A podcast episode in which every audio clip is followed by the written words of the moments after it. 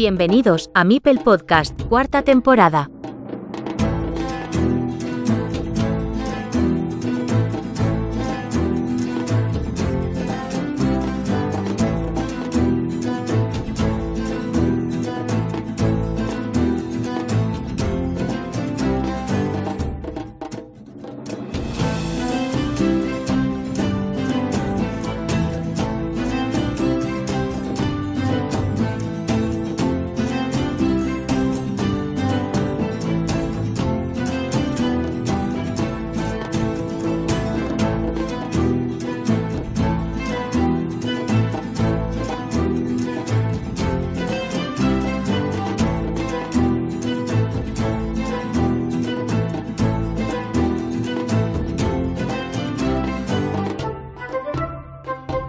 Queridos amigos y amigas, entre finales del siglo XIX y principios del XX, debido principalmente a los conflictos europeos de la época y la flexibilización de la inmigración en Argentina para atraer población extranjera preferentemente europea, existió un éxodo muy importante desde muchos países como Italia y España, pero también desde Francia, Polonia, Rusia, Turquía y Alemania.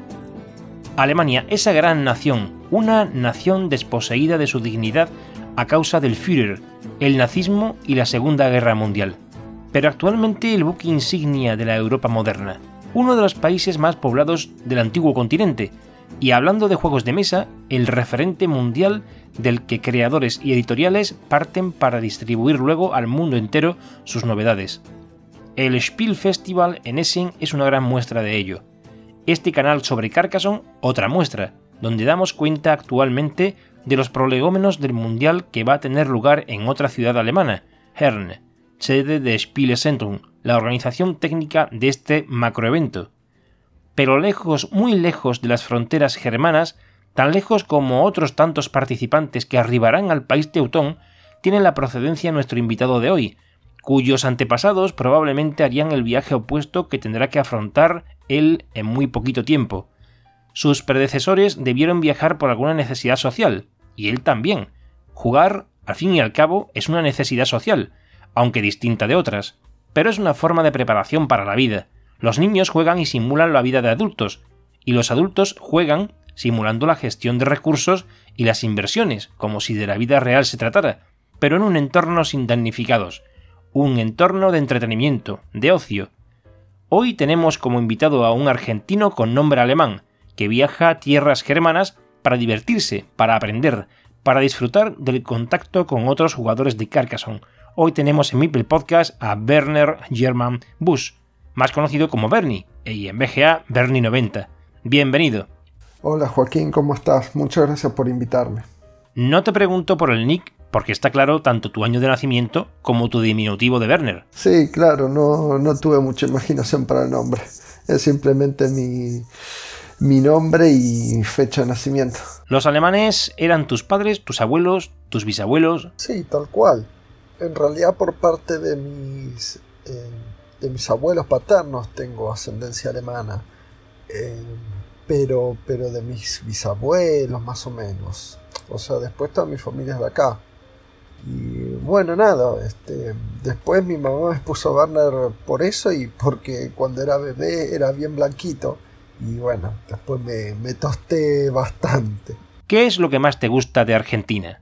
Argentina tiene muchas cosas muy lindas. Eh, la gente te puede mencionar los alfajores, los alfajores son, son muy ricos, que son como, como galletas eh, con un baño de chocolate y, dulce de leche en el medio, que son riquísimas. Eh, después yo valoro muchísimo la, literatura la literatura argentina, me encanta la literatura argentina, Borges, tenemos a Borges, Carlos Busquet, eh, Juan Gelman, Sara Gallardo, eh, Sábato, bueno, tenemos muchísimos escritores muy buenos, eh, después también historietistas, bueno, tuvimos varios historietistas muy buenos, capaz que conocerán a Aquino, que fue el creador de Mafalda, que, es un clásico de, la historieta, El Eternauta. Y después quería recordar a Caloy, que fue un historietista argentino que lamentablemente falleció ya hace un par de años, que en los años 90 tenía un programa que se llamaba Caloy en su tinta, en donde por la TV pública transmitían animación experimental o, artística de todo el mundo, que es un programa que yo la verdad es que no sé si se ha replicado en alguna otra parte del mundo, porque nunca he visto que, transmitían esa calidad de animación artística por la TV pública y que me permitió descubrir un montón de, artistas y de animadores, porque eran animadores de, eh, de animación 2D eh, o de, animación así artesanal, que la verdad que fue algo que marcó mi infancia y que creo que es un formato de programa que nunca he visto en ninguna otra parte del mundo. Eh, realmente algo fantástico que tuvimos. Y nada, después este... Después agradezco mucho la universidad pública que, que Argentina tiene, eh, la universidad pública y gratuita que, me permitió a mí y a muchísima gente estudiar, poder estudiar y recibirnos. Eh, así que nada, Argentina tiene esas cosas que son muy lindas. Yo cuando hacen la Feria de las Naciones aquí en Sevilla no puedo faltar a comer un chorizo criollo con chimichurri. Sí, tal cual. Eh, la carne argentina es de las mejores del mundo. Eso también es algo glorioso que tenemos, por suerte. Eh, nos, creo que hay una diferencia con España, que a nosotros al, chorizo le decimos a un embutido que, hay que cocinarlo, ¿no? A la parrilla. Creo que ustedes le dicen chorizo ya a lo que nosotros le decimos salamín, que ya es algo para, para picar en el momento y no, y no hace falta cocción. Eh, pero sí, el, chorizo argentino con un chimichurri eh, de una, de una. A mí me gusta bien picante el chimichurri, así que dale, de una. Tengo pendiente una entrevista a Pablo Blanc, que me va a matar porque aún la tengo pendiente del año pasado. ¿Conoces al resto de jugadores del equipo argentino? No, sí, te va a matar. Este, sí, hacésela porque, porque el chabón es un grosso y seguro que va a dar clase de, de carcazón en la entrevista. Este, así que sí, se remerece. Eh, del equipo argentino, no es que los conozco, eh, he jugado con ellos varias veces por BGA, me los, me los he cruzado en el Nacional y en torneos, este, así que la mejor de las ondas. Con Bernabé ya me lo, me lo he cruzado varias veces, jugamos bastante, eh, que fue también campeón nacional y, nada, es un capo. Eh, pero sí, no, este más que nada de, jugar y en varios torneos. ¿Puede que ahora ya formes parte del equipo tras ganar el título nacional? Sí, de, la verdad desconozco cómo funciona el, la clasificación al, equipo nacional, pero sí, de una, si estoy en condiciones, digamos, y, me siento que puedo representar correctamente al país, me, me encantaría, sería un honor. Dime una cosa, ¿qué esperas de tu viaje a Alemania? Ya sé que lo habitual es responder, conocer al resto de jugadores de élite de Carcassonne, el Spiel Festival, participar en ese pedazo de torneo que es el Mundial, etc. Pero ¿hay algo más que pasa por tu mente? Mira, la verdad es una buena pregunta, porque sí, la verdad es que para mí es un viaje muy especial porque yo nunca fui a Europa, es la primera vez que voy a viajar a ese continente Así que eh, supongo que va a ser toda una experiencia. Em, así que, que, espero, la verdad que no sé, o sea, espero muchas cosas. Este, va a ser muy lindo porque no conozco y voy también con mi novia. Vamos a recorrer Alemania. Así que, y la feria que, es increíble porque yo soy consumidor de juegos de mesa. No, no soy tanto de jugar juegos de mesa porque en Argentina salen caros y, tampoco que tengo tanto tiempo para hacerlo, pero este, consumo juegos de mesa, me juego algunos y es entretenido. Y, nada, y poder ir a Essen y, conocer esa feria que siempre escucho justamente en los podcasts que, de la gente que van y, que la mencionan y, estar yo ahí va a ser increíble. Y nada, y después eh, conocer Alemania, este, hay varios lugares eh, que ahí me tengo anotado en mi agendita para ir.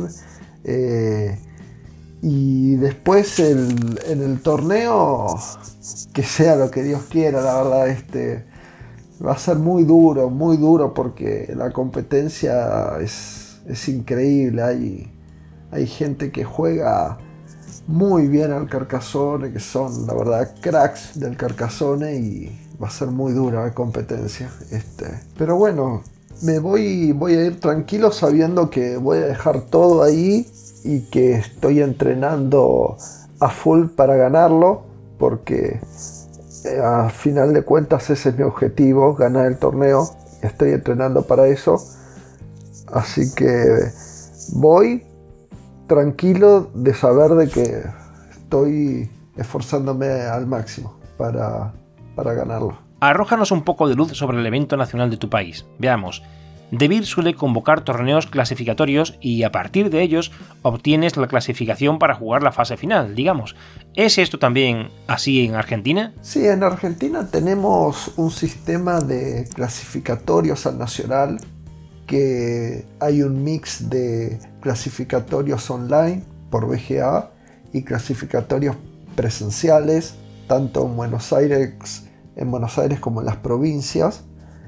Y después de esos clasificatorios, en general creo que clasifican los primeros cuatro del torneo al nacional. Y el nacional creo que en general se hace, o siempre se hizo en Buenos Aires. Y se hace, creo que se hizo en julio. Y, nada, tenemos ese sistema de, clasificatorios y nacional. Lo que me gustaría que, hubiera es una, liga, una liga argentina. Eso, eso estaría muy bueno. Pero, pero bueno, no, desconozco los mecanismos o los, o los incentivos para hacerla o no. Este, pero, pero estaría bueno tenerla. Eh, yo sé que en otros países capaz que tienen el juego organizado de Carcassonne un poquito más, justamente, más armado, ¿no? Y tienen más, más posibilidades de juego. Eh, nosotros tenemos esto.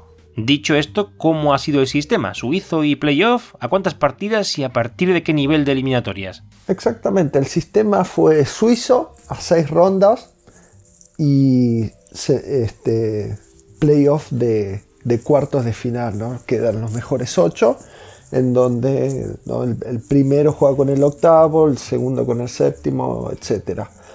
Después tenía algunas particularidades el torneo, medio raras, como por ejemplo que los puntos de victoria servían como desempate en caso de que dos jugadores tuvieran los mismos puntos en el suizo. Que la verdad es que yo ahí eso me parece una mala decisión desempatar por puntos de victoria, porque, por ejemplo, significaría que tu oponente no te puede conceder o no te, no te conviene que te conceda porque te perdés de sumar un montón de puntos de oponente, un punto de victoria, perdón, en el, en el, en el juego, ¿no? Si tu oponente te concede, te concede vos dejas de, sumar más puntos de victoria. Entonces no querés que te conceda, algo que, que es ridículo. Eh, no me parece una buena, una buena elección de desempate. En yo vengo de jugar Magic y en el Magic eh, el método de desempate era puntos de oponente, no puntos de victoria. Así que ahí eso me parece que, habría que cambiarlo. Eh, y después sí, fue, fue un suizo clásico y obviamente uno contra uno. Los clasificatorios sí eran eran jugando de mesas de cuatro, que, que también es una decisión que no me parece acertada porque no coincide con, con el formato del nacional.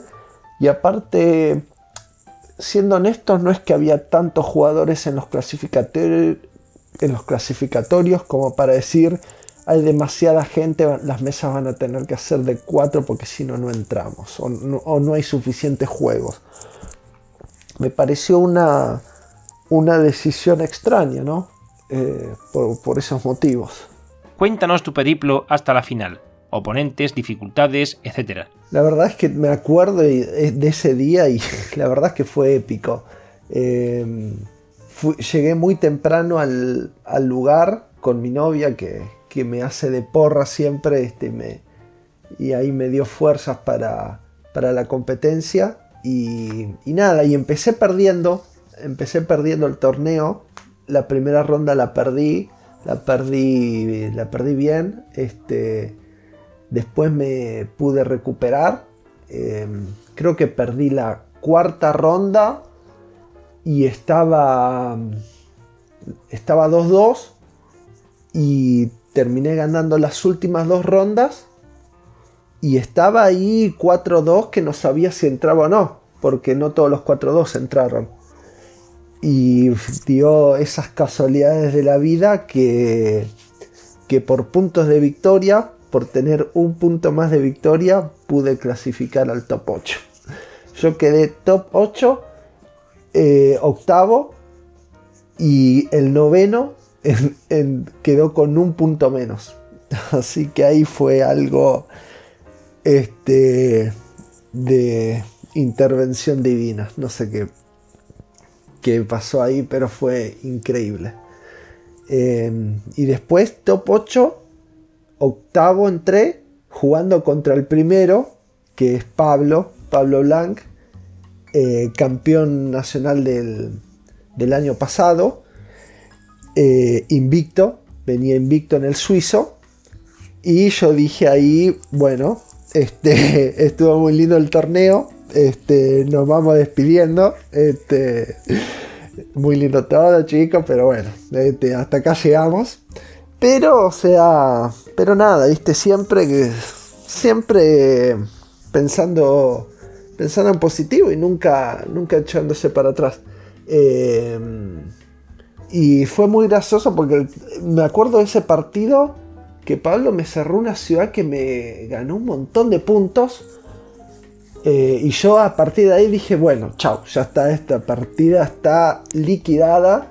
Y nada, este, no sé cómo hice y nada, empecé a sumar puntitos, este, a remontar un poco, a pelearlo un poco y, terminamos empatando. Eso fue lo más gracioso. Porque el formato del playoff es que el que empieza, en caso de empate, pierde. Por la ventaja que implica empezar primero. Que, está estudiado que el que empieza primero tiene una ventaja de aproximadamente dos puntos o más. Entonces, en caso de empate, el que empieza pierde en el playoff. Y por eso gané y pasé a semifinales. Fue increíble. La verdad fue increíble porque terminó invicto Pablo. O sea, realmente nadie le ganó. Este, terminó invicto en el suizo y, y empató el playoff. Así que, nada, un crack. Eh, fue ahí, no sé cómo hice, remando en dulce leche. Los argentinos tenemos esa expresión que es remando en dulce leche cuando haces algo que es muy difícil y, nada. Terminó así los cuartos y después semifinales, también otra partida durísima en donde terminé ganando por un punto en la última jugada porque eh, mi oponente se quería sumar a un, a un campo para ganármelo y puso Meeple y, y necesitaba un caminito. Necesitaba un caminito para unirse y quedaba quedaba solamente quedaba una rectita y un, una L, lo que, lo que yo le digo un, culito, ¿no? Un, un, caminito en L y nada, yo le pongo la rectita de manera que, el, que la L no encaje y no se pueda sumar al campo y esa, y esa jugada hizo que ganara por un punto. Terminé ganando esa partida por exactamente un punto. Este, así que también fue increíble. Igual creo que lo más gracioso hubiera sido si hubiera empatado de vuelta, porque hubiera vuelto a ganar por la regla del desempate en playoff al, haber salido octavo, este, yo salía segundo en todos los torneos, en todas las partidas. Así que hubiera sido muy gracioso. Y después eh, la final, curiosamente, creo que fue la partida más tranqui de, los playoffs. Porque gané dentro de todo cómodo. No así arañando por, por un punto o por empate. Así que fue, fue curioso. Y, y nada, y fue la verdad que, que increíble. Ese momento, o sea, yo tengo la filosofía de no considerarme ganador hasta haber sumado el último, el último punto y hasta haber movido el, el Meeple eh, hasta, hasta que el Meeple del tablero haya dado el último movimiento. Porque es como. es algo tan increíble que, que no, no podés. No podés creerlo hasta que finalmente terminás de contar cada punto. Porque hasta que no terminás de contar el, último punto, digamos, yo no, no, quería, no quería creerlo. Porque era algo increíble. Así que fue un momento de, de suma alegría la verdad que fue algo maravilloso. No quiero dejar de hacerte esta pregunta. ¿Te pagan el viaje desde la editorial o te lo tienes que costear tú? El viaje, por suerte, lo paga Debir. los boletos aéreos, ¿no? Después el alojamiento sí lo tengo que abonar yo.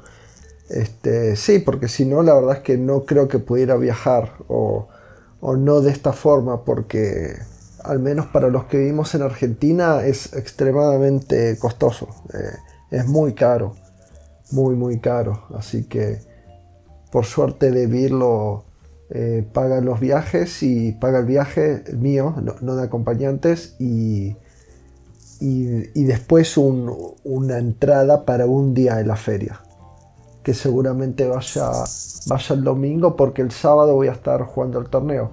Qué cosa curiosa, este año no se realiza en, no se realiza en ESEM, dentro de la feria, sino creo que las oficinas de, la empresa de, de Carcassonne o, en la empresa distribuidora, no sé, pero no, se hace dentro del predio de la feria. Así que, no sé, para mí una pena porque hubiera estado bueno ahí meterse en la feria y de paso, o sea, jugar el torneo y de paso meterse ahí en la feria, pero, pero bueno, este año parece que lo cambiaron. Tienes pocas partidas en la Board Game Arena. ¿Te gusta el juego online o te dedicas primordialmente a jugar cara a cara? Bueno, honestamente no sé a quién le dicen pocas partidas. Este, en Carcassonne tengo aproximadamente mil partidas que no es, no es mucho, pero qué sé yo, tampoco es poco. Eh, lo que sí tengo poco son de otros juegos. Eh, más que nada porque no, no, me fascinan los juegos de mesa así que son muy complicados, con muchas reglas. Eh, me gustan más los juegos sencillos, como el Carcassonne, por ejemplo. Eh, y después no. Tampoco que soy así un eh, jugador constante de juegos de mesa. O sea, me, gusta jugar juegos de mesa, de vez en cuando lo hago, pero no es algo que hago todo el tiempo cuando juego juego de mesa, en general ahora estoy practicando para, para el Carcassonne y, listo. Y, después este, me gusta probar juegos de mesa, sí, pero no, no soy tanto de jugar juegos de mesa, honestamente. Eh, y después eh, estoy jugando, practicando mucho online, pero voy a tener que los últimos días jugar unas unas partiditas mano a mano con algún amigo eh, como para acostumbrarme ¿no? al, tiempo del torneo porque sé que es por tiempo el torneo, sé que tenés creo que 15 minutos por jugador y, la cuestión del reloj, ¿no? la cuestión de las fichas, de, sumar, de contar, porque en VGA te lo hace toda la, toda la página, ¿no? Pero en la vida real lo, lo tenés que hacer vos. Y si además estás apurado por tiempo, eso te puede jugar en contra. Así que tengo que tener bien en claro las sumas, digamos. Este, eh, es gracioso porque yo soy matemático, o me recibí de matemático, mejor dicho, pero soy malísimo para hacer las cuentas, ¿no? Para la aritmética soy muy malo. Eh, así que ahí voy a tener que estar rapidito con, con las cuentitas. Dime tú algo cuenta a la audiencia alguna cosa que pueda resultar de interés sobre Carcassonne, alguna anécdota o si quieres de algún otro juego de mesa. Algo que no quieras dejar de contar aprovechando esta oportunidad. La verdad que el Carcassonne es un juego hermoso. Eh, me parece, la verdad, un, juego bastante cercano a la, a la, perfección por su, por su mix de, de estrategia, de simpleza, que eso es algo que valoro muchísimo en un juego, eh, y de azar, ¿no? Me parece que tiene un mix perfecto. Y, nada, yo tengo mi, vieja edición de, de, Carcassonne, creo que es la edición vieja, no la nueva, que la verdad es que me gustan mucho más las, las ilustraciones. Eh, y después algo que, que, me parece importante un poco eh, jugando competitivo es la cuestión psicológica, ¿no? No solamente en cosas como mantener la calma y la templanza en caso de una derrota, ¿no? Que eso es muy importante, sino también en cuestiones como por ejemplo ser el primero a la mesa. Eso, eso es algo que valoro y que siempre intento hacer porque de alguna forma te, estableces como que, bueno, esta mesa es mía porque estoy yo y tu oponente es el, es el invitado, entre comillas, que, es una pavada obviamente, pero psicológicamente cuando uno juega competitivo puede ser puede ser un diferencial. Eh, yo, como ya dije, vengo de, jugar Magic y en Magic el, juego psicológico es muy importante, es mucho más todavía que en el Carcassonne. Eh, pero este, siempre hay que, ese tipo de pavadas siempre hay que tenerlas en mente. Después también pavadas como es intentar jugar siempre con el mismo color de manera de pensar más rápido y, y ya estar cómodo y, confortable. Si estás, si estás primero en la mesa, eso te eso lo puedes hacer porque agarras vos primero el color. Como anécdota, el torneo y todas las, las partidas de práctica siempre las jugué con las fichas rojas. Em, también es un color que está bastante presente en mi, en mi foto de perfil, así que ya me acostumbré a jugar con, con ese color y esperaré eh, poder jugar todas las partidas del mundial o, las que pueda con, con las rojas. Así que para eso va a ser clave ser el primero en la mesa. Así que me voy a tener que apurar en cada ronda, llegar primero, primero a la mesa para poder elegir color. Bernie, encantado de haberte recibido en el podcast y espero contar a futuro con tu presencia en este espacio. No, gracias a vos, Joaquín, por haberme invitado. Eh, estoy espirruneando tu podcast, la verdad, eh, porque además tiene entrevistas muy copadas con gente que juega muy bien al Carcassonne, que son cracks del Carcassonne, así que lo estoy espirruneando para ponerme al día y, poder, poder absorber tantos conocimientos. Eh, Así que también te agradezco por el trabajo que haces y por, tu podcast, que es muy valioso y muy, muy bueno. Así que te agradezco. Un abrazo para él y otro para la audiencia del podcast. Hasta el próximo episodio.